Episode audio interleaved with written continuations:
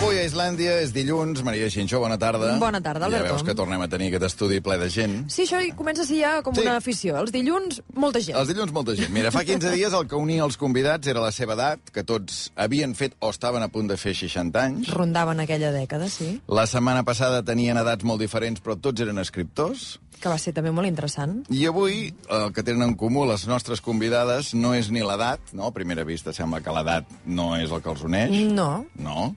De fet, entre dues que seuen juntes es porten gairebé 60 anys. Per tant, clarament l'edat no Clarament és... no és això. La professió tampoc. No, algunes poden coincidir, Sí. més o menys, però tampoc és la professió. Sense... Veig una cantant, veig una dibuixant, veig una actriu, dues periodistes... Mhm. Avui el que uneix a totes les convidades és el gènere. Totes són dones, cinc dones conegudes i reconegudes. Començo per la jove, que és cantant, que té... No vull dir que... La més jove, vull dir, eh? No vull dir... La més jove, Sí. la, la, la rejuveníssima. Exacte, és cantant, té 23 anys, tres discos, uns quants èxits ja. Su, bona tarda. Bona tarda, Albert. Deies que estaves contenta de ser aquí. Em fa molta il·lusió estar envoltada de tantes donasses, i de tu també, per suposat, evidentment, però em fa molta il·lusió que, que m'hagueu convidat amb elles a parlar una miqueta. 23 anys, Su? Vol dir que ets nascuda 23 al 99 o El al 2000? Ben fàcil. El 2000? El 2000, sí, sí, a més del gener, vull dir que super senzill. O sigui, vas estar a punt de ser la primera de, de, del mil·lenni, pràcticament, no? Quin dia va ser Gairebé, això? el 14. El 14 de gener. Doncs, um, gairebé et donaven un premi, eh, em sembla. La primera del mil·lenni hi havia alguna, hi havia d'haver alguna cosa. Bé, si anem pujant per ordre d'edat, al costat de la SUI tenim una periodista de 41 anys, que molts vam descobrir com a cap de comunicació als Mossos d'Esquadra i que des de juny de 2021 és portaveu del govern de la Generalitat. Patricia Plaja, bona tarda. Molt bona tarda. Demà tens roda de premsa. Demà tinc roda de premsa, hauria d'estar estudiant i sóc aquí, però felicíssima, eh? És allò, com quan has d'estudiar sempre trobes alguna millor fer que estudiar, no? Doncs aquí estic molt Clar, perquè contenta. estudies abans de les rodes de premsa, evidentment t'has de preparar la compareixença, no? Jo me l'haig de preparar i sempre faig la broma que el dilluns és el dia que, que me'l passo tot el dia estudiant fins a entrar a la nit i, per tant, em va semblar meravellós. Tenir una excusa per sortir una estona del despatx. D'aquestes dues feines que he dit, Patrícia, cap de comunicació als Mossos d'Esquadra, portaveu del govern, com a tranquil·la, quina destacaries de les dues? Jo crec que no seria l'adjectiu que quedaria bé al costat de cap de les dues. Són ritmes absolutament diferents. Uh, per conciliació, que no sé si és un tema que tractarem o no, és més fàcil la que tinc ara que la de Mossos d'Esquadra. Mossos d'Esquadra era 24-7, 365 dies l'any. Ara també, però diferent. Uh -huh. Molt diferent. La Su, la Patrícia Plaja i per la tercera convidada, Islàndia és casa seva, la podeu sentir els dilluns a la Polleguera amb el Joan Reig i el Piti Espanyol, és actriu, fundadora de la companyia T de Teatre, 54 anys. Àgata Roca, bona tarda. Què tal? Bona tarda. Això que diuen que a partir dels 50 anys ja no hi ha papers per, per una dona, al cinema, per exemple, al teatre... Doncs què? és, és, sóc un bon testimoni. sí, sí. No, no, eh, jo no, no, sempre dic que no em puc queixar, però sí que és cert que... Jo et diria que fins i tot abans, eh? Abans dels 50, eh, les dones, doncs, les actrius, doncs, entrem una mica en crisi. Hi ha pocs papers, i són moltes, i sobretot el problema és que hi ha pocs papers. Uh -huh. La quarta convidada, també periodista, ella va néixer en ple franquisme l'any 1958, potser l'heu seguit a la seva etapa de periodista esportiva a Televisió Espanyola, potser la veu descobrir ja quan dirigia, presentava informatius a Antena 3, i potser heu fet tot això, tant l'etapa de Televisió Espanyola com la d'Antena 3, i a més a més, ahir teniu recent aquest programàs que va fer el Jordi Évole, lo de Évole compartint taula, ahir eh, et vam veure amb Juan Carlos Unzué, Olga Biza, bona tarda. Hola, Albert. Quin dinar tan fabulós i quin programa tan agradar. maco. i Molt, molt. Em va agradar molt, molt, molt, molt. Eh, Jo crec que, que... Espero que la gent que ens escolta ho hagi vist, si no, es pot recuperar. Però, primer, el Juan Carlos Unzo és un personatge mm, molt top, és molt poc freqüent veure una, veure una malalt d'ella que parli d'aquesta manera, a part que és un tipus brillant, i com es, es va normalitzar la conversa. I la dona. Per mi La la, Maria. sorpresa va La ser la Maria. Maria, que jo no la coneixia, l'Unzué Sí. l'hem sentit i l'hem vist molt últimament, no, però la dona em va semblar boníssima. La Maria que no vol que li diguin que és cuidadora. Jo sóc la seva dona. De fet, ella eh, el tracta de nòvio. Mm -hmm. I porten 34 anys junts. Des dels 10. Bueno, des dels, clar, des dels 10 i 34 anys casats. Imagina. Sí. Què vas aprendre tu ahir en aquella trobada? Avui en farem una altra trobada que també espero que tots els que us escoltem aprenguem coses. Però ahir, amb l'Unzué, amb, la, amb la Maria, amb la seva dona, amb el Dani Rovira, amb l'Antoni Zubizarreta sí. i l'Olga Biza... Què vaig aprendre? Uh, vam riure molt. Uh, la vam patar, um, parlem de futbol, vam veure un partit de futbol tots plegats, però vam parlar de les coses importants de la vida, de la mort, de la malaltia, de cuidar els grans, de cuidar familiars. Jo també estic en, en aquesta situació amb la meva mare, no? de coses importants. Viviu junts amb la teva mare? Sí. L'he portat a viure amb mi. Uh mhm. -huh. I ara no es vol moure de la Garriga. Ha descobert la Garriga. Bé, la nostra cinquena convidada és dibuixant, és la degana de les dones que avui són a Islàndia la que per edat deu haver viscut eh, coses que les més joves segurament no es deuen poder ni creure. És dibuixant, va néixer just després de la guerra, té 81 anys, està fantàstica, es diu Pilarín Vallès. Pilarín, bona tarda. Molt bona tarda. La guerra no la vaig viure, però hi havia cases que no se'n parlava, però a casa meva sí. O sigui que de retruc la vaig viure molts anys encara. Hi ha gent que diu que la postguerra va ser fins i tot més dura que la sí, guerra. Sí, sí, jo crec que sí, eh? Per molta gent va ser més dura. Recordo del pa negre, del reaccionament, de que els homes, parlant d'homes i dones, els hi donaven paquets de tabac encara que no fumessin, perquè un home de debò que feia sense un paquet de tabac? La meva mare sempre m'havia explicat que li agradava molt al meu pare, estava enamorada del meu pare, només tenia una cosa que li fallava, que no fumava el meu pare. I que li semblava, li semblava que no era... Exactament, no, és que feia servir aquesta expressió. Diu, jo em semblava, diu, quan érem joves, que el teu pare no era prou home, perquè, clar, veia el Humphrey Bogart oh. fumant, veia tots aquells homenassos fumant, i el teu pare no fumava. Quina sort. I això, imagina't. La, la teva mare, Pilarín, a què es dedicava? Ah, la meva mare, així oficialment, en el paper posava sus labores. A mi em feia una mica de gràcia perquè m'imaginava jo a la classe amb la monja que t'ensenyava a fer punt de creu i tot el dia fent punt de creu. Però, és clar, això era les mestresses de casa, totes les senyores que no treballaven professionalment, que eren moltes, eh? Perquè diu, ha de treballar ho deien una mica com una desgràcia en aquell temps. Ha de treballar, a vegades les senyores estaven ben preparades i treballaven en coses que estaven bé, però generalment treballaven eh, a la indústria, Clar, a la fàbrica. treballaven a puestos molt d'usos, eh? Mm -hmm. Molt valentes i molt maques. Però tenien això, la feina de la casa i 4 milions de coses per fer el dia. Clar, només amb això que diu la Pilarina, aquí ja tenim un primer tema, eh? Aquesta expressió, que jo crec que a l'Olga Biza, no sé si també a l'Àgata li sona, potser a la Patricia Plaja i a la Su, eh, li, sembla, li sembla marcià, això que diu... Sus labores. Sus labores, eh? Sí. Tu ho recordes, Jo això? ho recordo perfectament. Em, fe, em feia moltíssima ràbia perquè ho posava al DNI, eh? Sí, Sí, sí, i tant. Ho posava, no, no pas en el meu, ja t'ho dic, però sí en el de la meva mare, per exemple, no? I, i, i Clar, sus labores vol dir que fa el que li toca fer. mestressa de casa és el que li toca mm, pel seu gènere. La meva mare sí que va treballar, eh? Mhm. Un cop ens va criar els tres, ella sí va sortir a treballar. En tenia prou. Tu deies, Pilarín, que, que per una casa, diguem, o sigui, només treballava una dona quan s'havia de treballar, però era, estava mal vist, diguem? Eh, diu, pobre, ha de treballar, deien, perquè eh, figurava que el teu marit no es guanyava prou bé la vida per mantenir-te. I això em recordo que la meva mare va dir, vull tenir els meus propis diners i no haver d'anar tot el dia estenent la mà per demanar diners. I eh, les, les meves ties no ho van veure gaire bé, algunes d'elles, i deien, sembla que el seu marit no es guanyi la vida. Mm. I, però això, per sort, ho hem vist davant de la nostra vista, ho hem vist canviar, per sort. Però, vaja, era una desgràcia que vaia birria de marit t'havia tocat. Clar, és que coses que ara les sentim o les veiem d'altres països i ens semblen absolutament inaudites, passaven aquí fa 50 o fa 60 anys. Deies això, guanyar-se una dona els seus propis diners, la dona no podia eh, tenir un compte corrent, obrir-se un compte corrent sense permís del marit, no? Sí, sí, No, no, sí. no, no, i tant, i tant, i tant. No podia sortir de viatge. Tampoc sense permís del marit. Jo me'n recordo que ho vaig explicar a casa la primera vegada que vaig estar a Corea per als Jocs Olímpics de 1988. Em van donar un curset, per exemple, als cambrers, perquè a les dones ens, ens, ens posessin la halància les primeres i que acceptessin la nostra targeta de crèdit.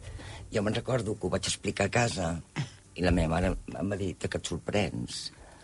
Fa, fa 30 anys a Espanya això era així. Vull dir, uh, hem passat per això. És veritat, a Seul encara hi... Bueno, a uh -huh. Corea del Sud, eh? Corea les dones, Sud, anaves sí, a sí. sopar a casa d'algú i les dones saludaven i marxaven. I et dic, li donaves la targeta de crèdit al cambrer i no te l'acceptava. Els teus pares, Àgata, com, com, tu com ho veies? Com, com estava repartida la cosa a casa? Els meus pares, clar, a mi, a mi quan em pregunten, per exemple, "Mm, tu ets feminista? Dic, bueno, és que jo m'he educat eh, en una casa on, on els valors ja eren aquests. Mai sabia dir la paraula feminista, però els valors que jo he rebut eh, eren així. O sigui, els meus pares fomentaven doncs, la igualtat entre home i dona de condicions i d'oportunitats. El meu pare eh, va estudiar la carrera de, de dret, va començar a treballar com a advocat i va veure doncs, que allò no li feia feliç i llavors va, va agafar l'opció de la seva gran vocació, que era ser fotògraf. Ah, clar, en aquell moment això ja era una mica revolucionari, que un home, eh, que el seu avi, que el seu pare, perdó, o sigui, el meu avi era advocat, ell va estudiar advocat i va dir, deixo la, la, la carrera i, eh, bueno, la carrera no, deixo la feina i em poso a fer de fotògraf, que és el que a mi realment eh, m'agrada. Evidentment, doncs, eh, teníem cinc, tenia cinc filles i, bueno, amb el sou del meu pare no arribàvem. I aleshores la meva mare, que no només per això, com deia ella, no només pel fet que no arribàvem, sinó perquè també ella, doncs, bueno, per, per maneres de ser no es conformaven, eh, ni ell ni ella, perquè aleshores, per molt que les dones volguessin, hi havia homes que no ho permetien, malauradament, que aquí també hi havia el masclisme, no? Eh, doncs eh, ella volia estudiar, volia mm, bueno, enriquir-se intel·lectualment, i doncs un cop em va tenir mi, que la cinquena filla, la petita, es va posar a estudiar la carrera d'Història, i ja havia fet feines abans, però aleshores doncs, va començar a exercir de, de mestre i juntament doncs, a, amb la directora de l'escola Villar Chaborros doncs, va muntar una escola a Cantunis, a la barriada de Cantunis, i clar, feia uns horaris eh, increïbles. Aleshores jo sempre dic que, que jo m'he creat en aquest sentit doncs, amb el pare i la mare. O sigui, el meu pare estava molt a casa per la seva feina, perquè també revelava les fotos a casa, i feia una mica el que podien. Evidentment, la batuta segur que la portava la meva mare, i qui decidia què es feia per dinar era ella, que trucava i deia aneu posant aigua al foc, eh, Ramon eh, posa les, comença a pelar patates, que ara vinc... Era ella, però jo veia que els dos estaven per la labor, mai millor dit. Eren uns progres. Eren progrés. Eren progrés. Eren progrés. Jo crec que, que a veure, no, no vull dir que fossin pioners, perquè crec que com ells doncs, ja hi havia molta gent no? que, que, que, bueno, que fomentava això, aquest tipus de- d'educació i aquest tipus de vida. No? Doncs, eh, afortunadament, afortunadament ho van, ho van poder fer. I jo sempre no dic ni que siguin ni millors ni pitjors que altres, senzillament doncs, que van tenir la necessitat, les ganes i les condicions per fer-ho. No? Amb la Pilarín Vallès, amb l'Olga Biza, amb l'Àgata Roca, amb la Su i amb la Patrícia Plaja. Patrícia, en el teu cas, tu tens 41 anys, vas néixer ja en democràcia, diguem, neixes l'any 1981. A casa teva com, com anava la cosa? Jo, eh, ho ha dit la Pilarí, però jo ho, ho reafirmo, que és que els pares de l'Àgata eren molt progres, o almenys molt progres comparat amb els meus. És a dir, jo vaig, ser, jo vaig prendre consciència de que era feminista molt tard, eh, potser l'edat de, de la SU, o una mica més aviat, quan, però poc més, quan allò que fas el llistat, no, de si defenses això, si això et sembla malament, si l'altre creus que hem de lluitar per aconseguir-ho, i repassant és, doncs soc feminista, però a, a l'escola o, o a l'institut no tenia aquest coneixement. Jo crec que el primer cop que vaig detectar el que ara en diem micromasclismes va ser en un... no recordo què celebràvem, però que, quan el meu pare li va regalar un microones a la meva mare, i la meva mare es va enfadar moltíssim. I jo vaig dir, és que em sembla horrorós, és que aquests microones, eh, que a més era al principi quan hi havia els microones que fèiem servir sobretot per escalfar la llet, jo encara havia escalfat la llet amb un cos i... Uh, Mhm. no? Sí, sí. I és, vaig vaig dir, però què, això què és? Si tu faràs servir el microones igual que nosaltres, no? I aquell va ser, jo crec, el primer cop que vaig prendre consciència de que hi havia gestos quotidians que eren masclistes. Ah, o, o sentia bé aquelles frases, no?, que, que no sé si encara es diuen, però és que el meu marit és tan bo perquè em buida el rentaplats. Allò de buida. o- o m'ajuda, no? m'ajuda amb les coses o de m'ajuda casa. amb les coses de casa. Això No, que ara fa fan molt, però a tu et deu semblar surrealista, Què no? vol dir m'ajuda a casa? Clar. Però que no hi vius aquí, tu també. A veure, Su, 23 anys. Què? Tu, tu què has vist a casa? Ja has vist una cosa molt diferent a tot el que estem explicant ara? A, a veure, els meus pares es van separar quan jo era molt petita, llavors a casa mi mare, mi mare era una superdona que treballava de 8 a 5 i després venia a casa, treba... bueno, ens venia a buscar el col·le tal, no sé què, i mon pare treballava moltíssim, llavors tenia una altra dona que també feia exactament el mateix. Vull al final sempre superdones que feien les feines de casa full i treballaven després també de lo seu, les dues, i mon pare que treballava i arribava a casa una mica a plato puesto en la mesa. O ajudar, no?, en el millor dels casos. Sí, si és que... perquè tra treballava molt, treballava molt, però al final sí que hi havia com aquest costum, no?, de, de, de, bueno, de, de, bàsicament de no fer res. I jo recordo molt també a casa meva una cosa tan, tan petita com que mon germà, vull dir, mon germà jo me l'estimo molt i tal, però hi havia aquesta cosa de, de que ma mare ajudava molt a mon germà a fer tot i a mi com que de seguida m'ensenyava així renten els plats, no sé què, així... ta-". O sigui, encara, encara en aquesta, en aquesta època que a mi és una cosa que amb la distància m'he enfadat moltíssim i ho he com comentat molt amb el meu germà de dir, ostres, que tu et quedaves al sofà mirant la tele i jo m'aixecava rentar els plats amb, tenint 3 anys menys que tu, no tenia cap tipus de sentit però ma mare tenia l'herència de, de sons pares i al final doncs, De doncs, pares i de tot... Clar, de, de totes anys tantes i anys, generacions. Exacte, moltes Eh, generacions. Això, això fa poc un amic eh, que, que està criat i d'aquests germans i germanes em deia que quan eren petits el pare deia... Un dia ell es va aixecar per recollir el plat i el pare li va dir mentre hi hagi dones en aquesta taula, no, per favor, no, t'hauràs d'aixecar mai. Això de la meva generació. Estic hiperventilant, no ho diguis mm. més ara. Mare meva, mare meva.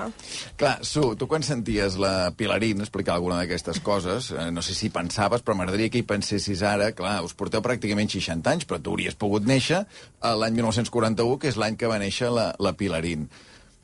Com hauria sigut la teva vida? Què creus? És a dir, per exemple, tu, tu ets cantant, uh, tu creus que t'hauries pogut dedicar a cantar? Segurament no m'hagués dedicat a la música perquè jo vaig, vaig descobrir que, que això era una via, eh, una via possible gràcies a les xarxes socials. O sigui que d'entrada hi ha un problema. El nodo. No sé com, no sé com ho hagués fet. M'hagués acabat dedicant a una altra cosa o potser ho hagués descobert per una altra via, però, però de moment, així com m'ha anat la vida, no hagués pogut ser segur.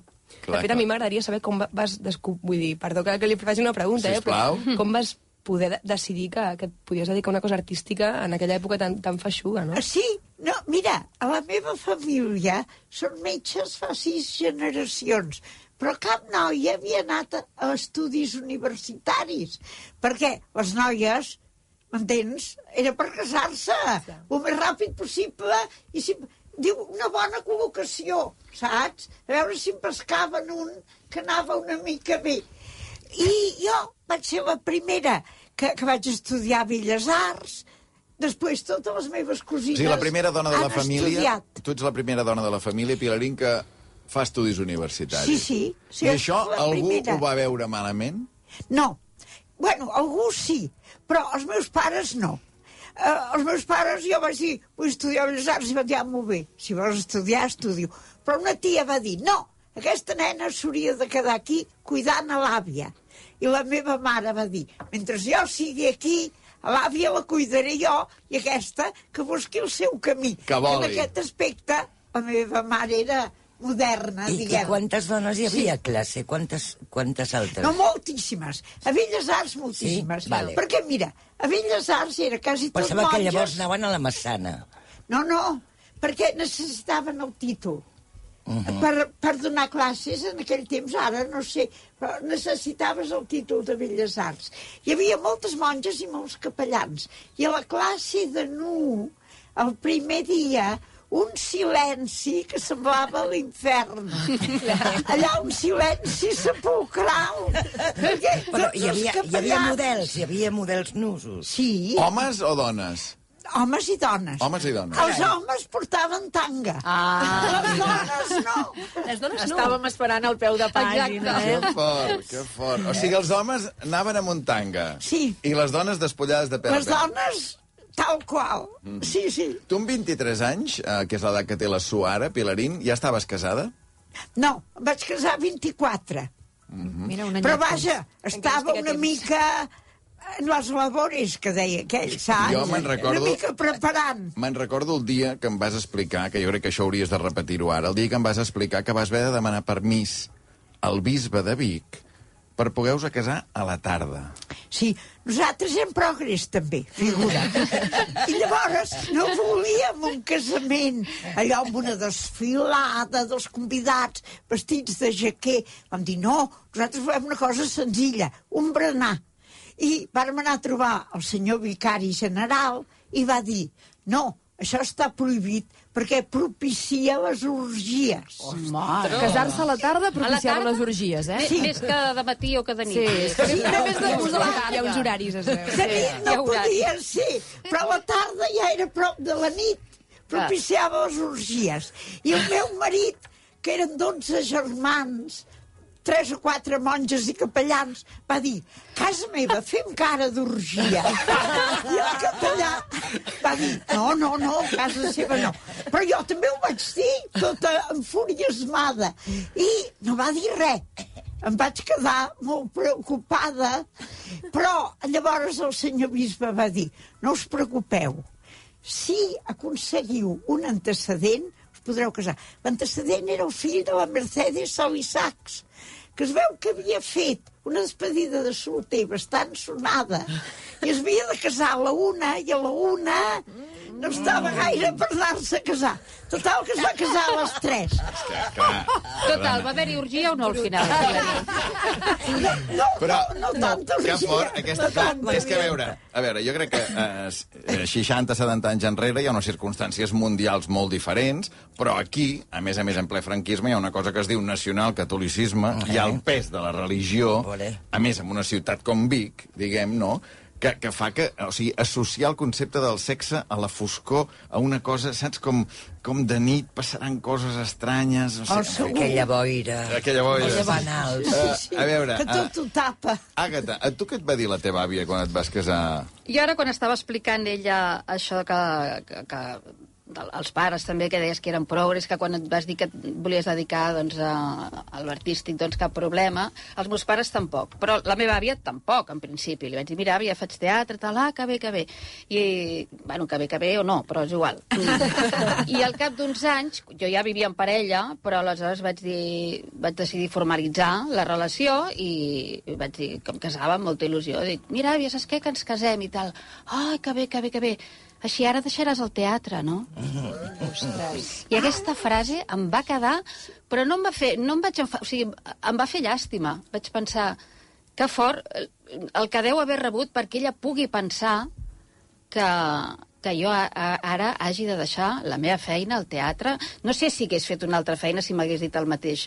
Mm, possiblement no, no ho sé, però, però en tot cas ella veia que, que jo havia d'estar a casa. Clar, però fixa't quant talent, quant talent femení eh, que hi ha en aquesta taula, però quant talent no es va poder expressar en aquella època, no? Diguem, és a dir, quanta gent devia tenir un talent pel dibuix, com la Pilarín, Tant. i no el va poder expressar, quant talent tenia un, dibu un talent per, per cantar, com la Su, o pel periodisme, eh, com l'Olga Biza i com la Patricia Plaja, per l'actuació, pel teatre, pel cinema, com és l'Agata Roca, i en aquell moment no ho van poder fer. Olga, tu com, com et vas espavilar? A veure, ja, tu què havies rebut a casa i tu vas dir, escolta'm, jo, jo, jo què faig a la vida? Jo no tenia ni idea. Jo no sabia què fer, he de ser sincera, perquè eh, jo sóc producte de les primeres sèries de televisió, llavors hi havia una que, eh, que donaven, que es deia Centro Médico, i jo volia ser cirurgià, també. Llavors vaig fer totes ciències, fins que va arribar l'hora de decidir, i els meus amics se'n van anar a periodisme, i és veritat que jo, el meu avi tenia una petita editorial, era un home de lletres, em feia escriure, i m'agradava escriure. És més, jo regalava, com no tenia calés, amb 15 anys, feia diaris de regal d'aniversari, amb fotos, trucades i tot això. Llavors vaig dir, doncs, m'hi dedicaré a jugar la resta de la vida. Vull dir, no, no sabia per on anar. I va ser un... ens- Vaig encertar. Vaig encertar perquè m'ho he passat molt bé. Vull dir, eh, a casa, quan vaig dir que faria periodisme, oh, meu pare em va dir, estàs segura? Perquè abans vaig dir, no, jo Uh, estudiar filosofia, o jo no sé, no, jo deia cada dia una cosa diferent, era un desastre. I, però, clar, de seguida vaig començar a fer pràctiques a la tele i els hi va semblar que a lo millor la cosa aniria més o menys decent. No esperaven res. I mira eh? com ha anat. Si ara ens ho feu creu massa. Vinga, pren. Perquè, a més a més, passa una cosa, deixa-m'ho dir, Olga Biza, tu tens 64 anys ara. Ai, i- que m'ha fet mal. Ah, No, és que fa molt mal. És que, quan, és que dius molt És l'edat. que jo era la patint molt i Sí. fa massa, mal, fa massa, mal. massa trobes dius que des dels massa. teus 55 anys. 56. Vale. Una cosa, Albert, jo sóc la segona més jove, per si vols dir-ho. No, perdona, Necessiteu context. la segona més jove- al costat de la de 20, que això encara et fa més Bueno, jove. És veritat, la Sí. Més jove sóc jo, La perdó. més jove és la Maria. La Maria no està participant en la tertúlia. No ho tenim assumit, eh, això? El que vull dir és que en 64. aquest moment, en un moment en què t'has enretirat o semi-enretirat professionalment, t'estan arribant molts reconeixements Mm. a l'ofici de periodista, el Premi Nacional de Comunicació, Ets. veu estar juntes amb la Patricia Plaja fa, fa poc, eh, molts reconeixements que pel que tu vas fent al seu moment, que potser en aquell moment no n'eres tan, eh, tan conscient de que No, tu estaves no fent una cosa bastant única, no? Jo, mm, primer, no m'he enretirat. He posat una mica al peu de l'accelerador, però mm, per raons personals, però no, jo no concebeixo això de, de deixar-ho. Oi que no, Patricia? No, i tant que no. Els periodistes. No ens retirem. No es en tot retiren. cas, ens retirem. Ens retiren.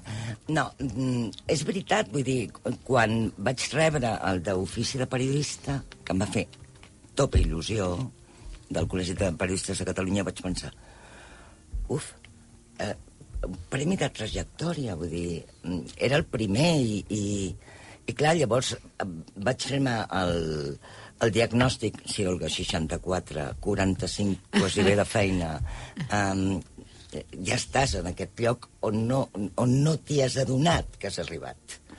Són 45 anys de feina, sí, de carrera.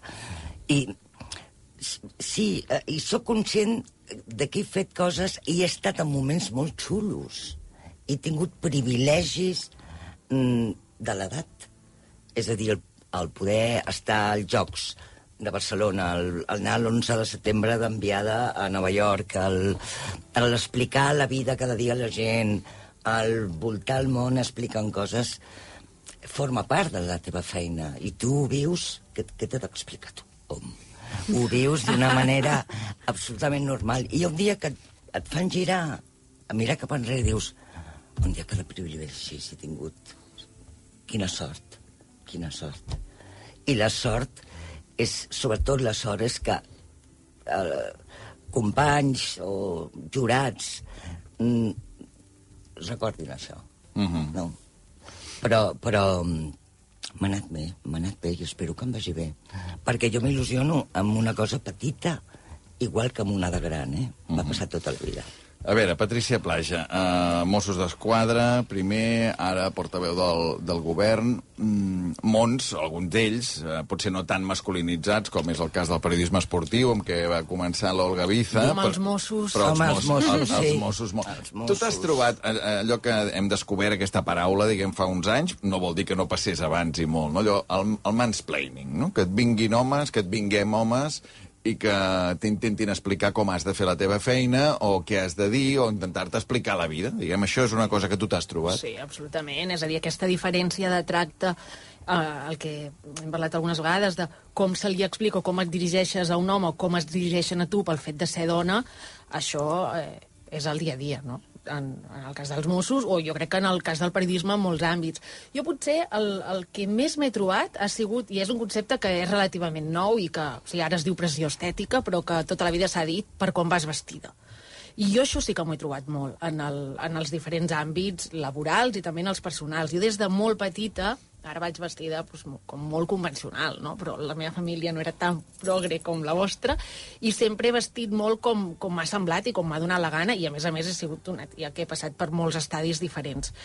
I jo sóc d'un poble molt petit i els meus pares, per exemple, moltes vegades, mm, els dos, eh, la meva mare o el meu pare, avui pots vestir-te bé que anem a no sé on. Llavors, al final ja es van anar acostumant, no?, i, i no passava res, excepte el dia que sabia que els li feia passar una mala estona i no em ficava els pantalons que estaven molt, molt trencats, doncs... Però Mossos, per exemple, a mi alguna vegada m'ho havien dit, mm, bueno, a veure demà com vens vestida, no? I és com, bueno, jo sempre he anat sé diferenciar no? quan estàs en el teu àmbit de treball o quan estàs en el teu espai d'oci. I això encara avui és aquesta pressió estètica que ara sí algú li ha posat un nom que és diferent de com vas vestida. Jo crec que ens hi trobem, les, ens hi hem trobat totes les que som aquí d'una manera o altra i els homes no. I per tens, tant, un, tens un episodi, perdona, eh, molt recent, no?, que és l'episodi de l'Escot a TV3, no? Exacte. Uh, no saps de què No, parla? no, no sé Ah, què parla. Explica-li explica a l'Olga Biza a veure què va passar a TV3 amb el teu escot de la portaveu del govern. Eh, jo crec que va ser un tema més anecdòtic a la volada, evidentment, que va agafar, però sí que és veritat que va ser... Bueno, és un exemple més no, d'aquesta pressió estètica que vivim les dones i no viuen els homes. Jo vaig anar a TV3 amb una, amb una americana i un, i un top, que el top tenia un escot jo crec que absolutament normal i en algun moment de l'entrevista algú va pensar que com que jo me l'havia tocat estava incòmode perquè eh, estava ensenyant massa, massa pitrera. I llavors, a, enmig de l'entrevista, van venir i me'l van col·locar enrere, per tant, el, era evident que jo començava l'entrevista amb un escot d'un pam i l'acabava sense escot amb el, amb el jersei, amb el top aquí davant. i van posar un Cairon Exacte. primer, no?, tapant uh, I això va crear- l'escot. Però, perdona, qui et va tirar el, la samarreta cap enrere? Des de la realització, De- però ah. perquè van pensar, o sigui, jo crec que no hi va haver-hi cap mala intenció, és a dir, ells van pensar que com que jo en un moment vaig fer així, uh, estava incòmode Ja. perquè tenia massa escot. I jo no estava incòmode amb l'escot, perquè me'l vaig posar, evidentment, perquè vaig voler i molt conscient de, de com anava. Tota la polèmica. Patricia, però quan va venir algú i et va fer això, tu què vas pensar? O què vas dir? Jo vaig dir, vaig apartar-me en un segon i vaig dir que se m'ha vist un pit, perquè va... Clar, vas preocupar, clar. Clar, jo em vaig preocupar, Clar. vaig pensar, ha passat alguna molt gros, no? M'ha sortit un pit. I em van dir, no, no, tira, tira. I llavors vaig acabar la, vaig continuar l'entrevista normal i a posteriori vaig veure tota la polèmica. Jo crec que això és, és gairebé anecdòtic, però la pressió estètica que vivim les dones Sí. no ho és. I, I acabo molt ràpid, crec que hem de ser conscients de que nosaltres mateixes anem vestides com volem i això em va passar fa no gaire també en aquesta, els meus pares no són tan tal, tal, als pobles, no sé si aquí passa abans d'anar a un casament o a un bateig passes per la pelo i jo, com que anava a un casament amb, amb la meva mare, t'he demanat hora a la pelo dic, no, és que és igual. Vaig anar a la peluqueria i em van fer un patinat que jo em sentia absolutament disfressada i és com, em rentaré el cabell i no puc anar així perquè no em sento a gust, ho sento, mama. O sigui, ja no aniré a la peluqueria abans d'anar a un casament perquè jo vaig com vull. I així de despentinada com vaig avui perquè em sento a gust I m'he d'imaginar que ara ja saps què et posaràs demà, per exemple, que tens la roda de premsa de govern, que això és un clàssic de cada dimarts. Eh, t'hi penses molt, t'hi mires molt, eh, ho penses amb antelació, això? jo sempre ho penso, el que, el que em posaré, és a dir, no, no improviso el, el de matí, no molt d'antelació, normalment a la nit, perquè al matí jo sempre vaig tard, i hi ha un hàndicap important, que és que no puc anar blanca perquè s'enganxa amb el fons. I llavors, eh, bueno, jo demà aniré amb texans i amb les Martins, les, sempre vaig amb les mateixes sabates perquè necessito una còmoda, perquè necessito estabilitat, i com que les porto sempre també, i de dalt eh, me falta decidir quina americana em, em posaré. Però els, ja sé que anirem texans i amb les Martins, això sí. Su, a veure, en el, en el teu cas, um, clar, jo et veia, per exemple, t'he repassat una mica l'Instagram, no, allò fent veure i amb, i amb què, i t'he vist amb una foto fent un petó amb una noia. Sí. Clar, això, Pilarín... Quin temazo. Això és, això, és, això, això és un gran tema, no? Quantes Sí, sí. dones no van poder estimar dones a la teva generació? Això va no? passar a Belles Arts i nosaltres, per companyerisme, vam dir és impossible. Què us heu cregut?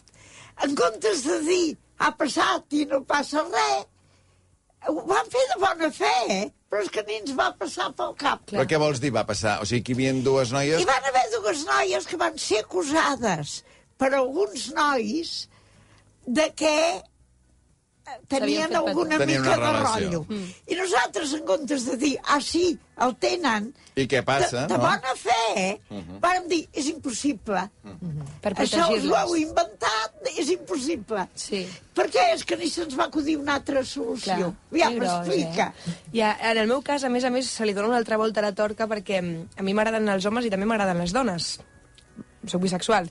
I mon pare, quan jo vaig sortir de l'armari, per dir-li que, que estava amb una noia i després vaig tornar a estar amb un noi, mon pare em va dir, a veure, posem-nos d'acord, no? Vull dir, jo puc, jo puc entendre soc tot el progre que vulguis, puc entendre que t'agradin les noies, però no puc entendre que estiguem aquí.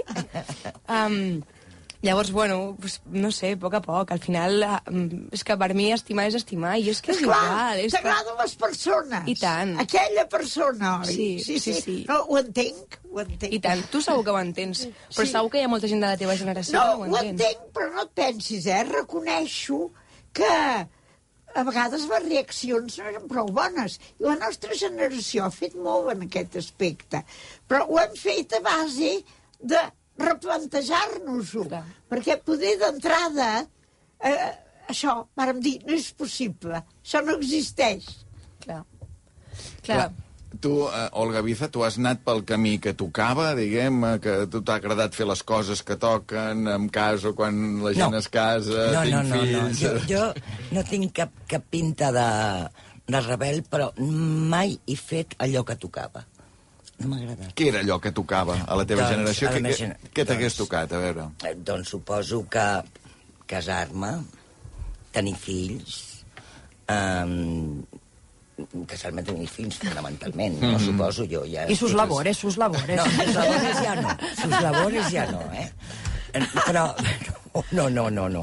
Perquè jo als 10 anys, parlàveu de feminisme, jo als 10 anys ja em queixava que els homes de la meva família no fessin el llit i a mi em fessin fer el llit. Jo deia, A- a no. tu et tocava i El fer els seus, no? Moltes no vegades. Fa. Jo no ho faré pas.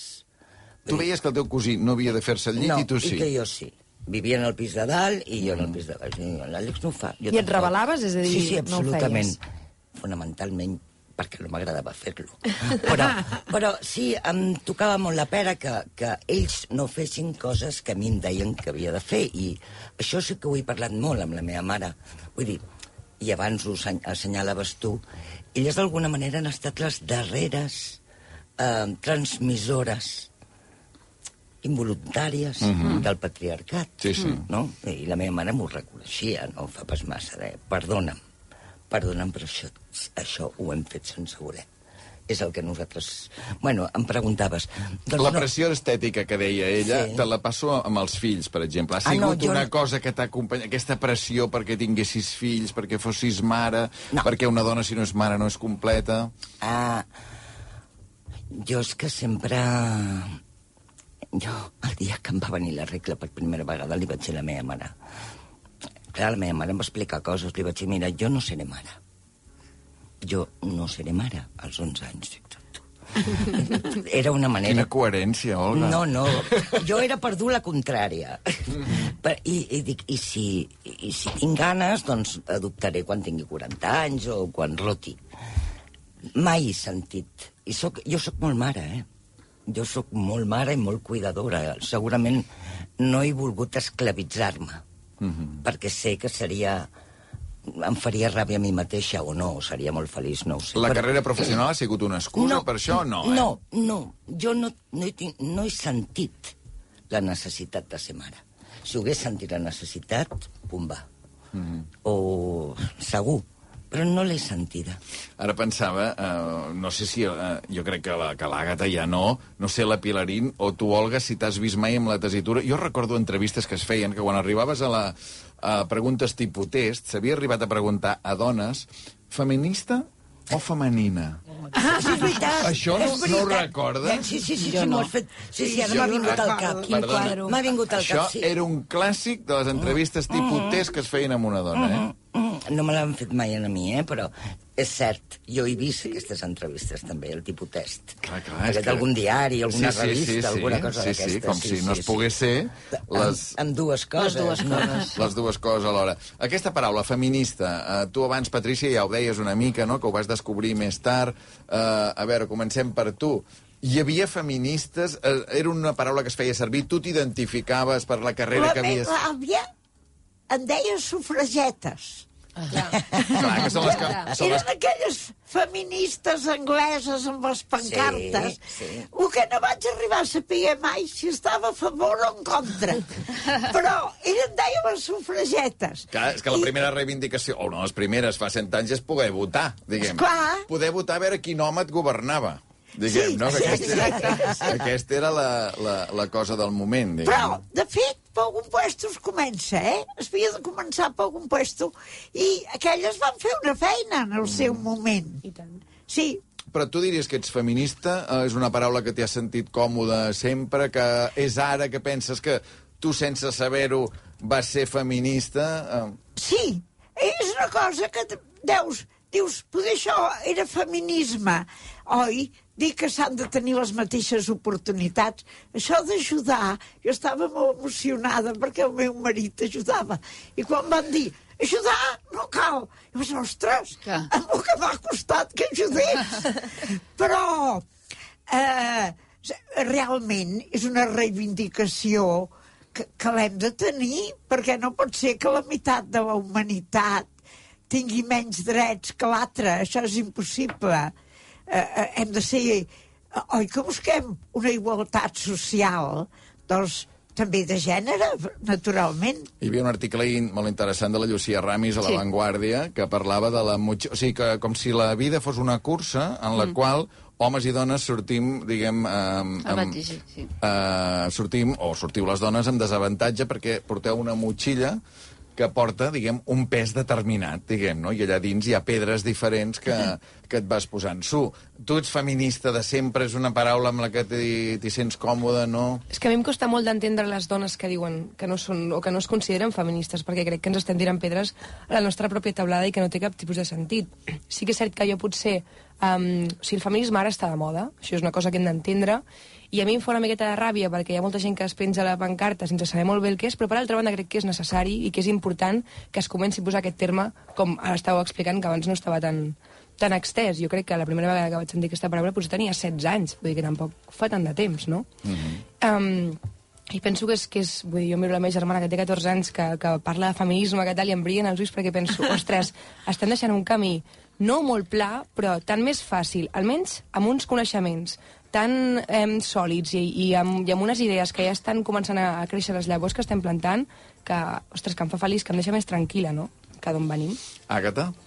Uh, jo, a veure, una mica el que deia abans és una cosa doncs, que, que, que l'he mamat, que l'he viscut, i, però mai sabia dir la paraula feminisme. O sigui, jo vivia amb aquests termes, diguéssim, però no amb aquestes condicions, però no, no es parlava de feminisme a casa. Després, amb el temps, m'he adonat doncs, que, que, evidentment, doncs, he tingut una educació feminista i que, per tant, soc feminista perquè... Mm, bueno, doncs, eh, crec que amb tots, aquests, amb tots aquests valors. Sí que és veritat que tinc certa reticència a penjar-me la bandera de feminista, no? O sigui, no m'agrada mai presentar-me com... O sigui, no, no tinc la necessitat, potser, de, de, de dir-ho constantment o de, o de fins i tot de...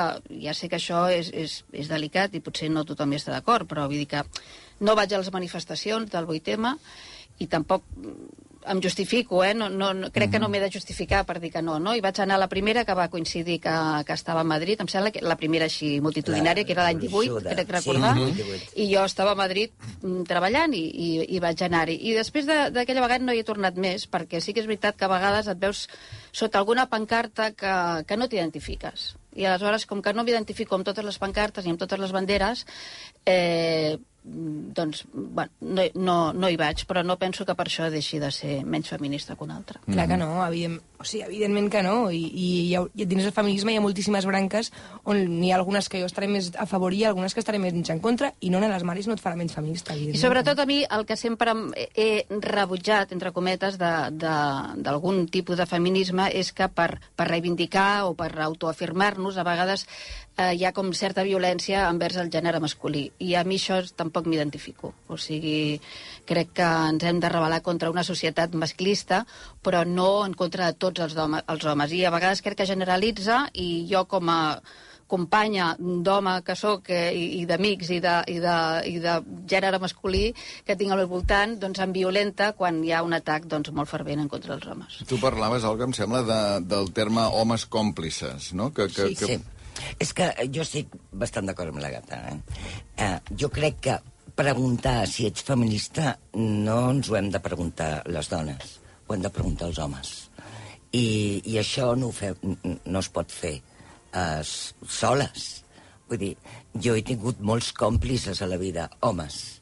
Des dels meus caps, el, el meu primer jefe, que ell tenia 26 anys i jo 20, eh, que va ser el que em va donar l'oportunitat d'entrar a la tele. Perquè ell era igual que fos una tia o un tio, vull dir... Um, i, o les meves parelles o, o els meus amics, no? Jo crec que això... A mi m'agradaria que les pancartes, si hem d'anar a manifestacions, a primera fila hi haguessin molts homes. Molts homes. I m'agradaria que la conselleria o el Ministeri d'Igualtat el portés una tia i un tio. Eh, vull dir, jo crec que hi han de superar una mica.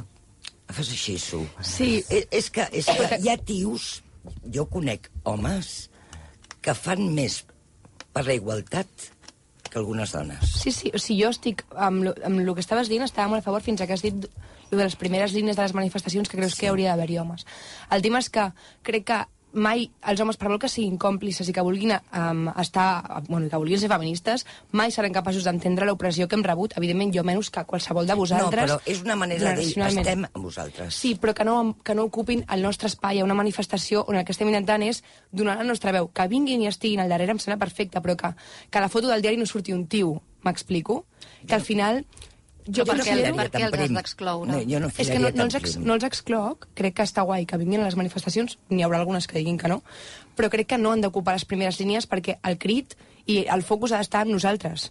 Per un dia que està amb nosaltres al focus, Patrícia. Jo coincideixo 100% amb la Su. Crec que, i si no corregiu-me, totes les que estem en aquesta taula coincidim en el que, el que necessitem és un món feminista i eh, per tant formen, i han de ser-hi ells i hem de ser-hi nosaltres Eh, és emocionant sentir algú de l'edat de la Pilarín uh, fer el discurs que fa a favor del feminisme sense ficar-se o tenir la necessitat de ficar-se a la samarreta i emocionant també sentir com la Su parla de la seva germana de 14 anys. A partir d'aquí, durant massa anys ells han ocupat llocs que ens pertoquen a nosaltres. Per tant, què menys que el dia de, de la dona siguem nosaltres les que ens visibilitzem i puguem cridar més que ells. Tenen molts altres dies per, per poder ocupar aquests espais i ho han fet durant molts anys, espais que ens pertocaven a nosaltres. Per tant, crec que és així. I comparteixo moltíssim això que dieu vosaltres de la pancarta, jo diria la samarreta. Entenc les dones que no tinguin la necessitat o que no vulguin fins i tot ficar-se a la samarreta que digui soc feminista. No ets més feminista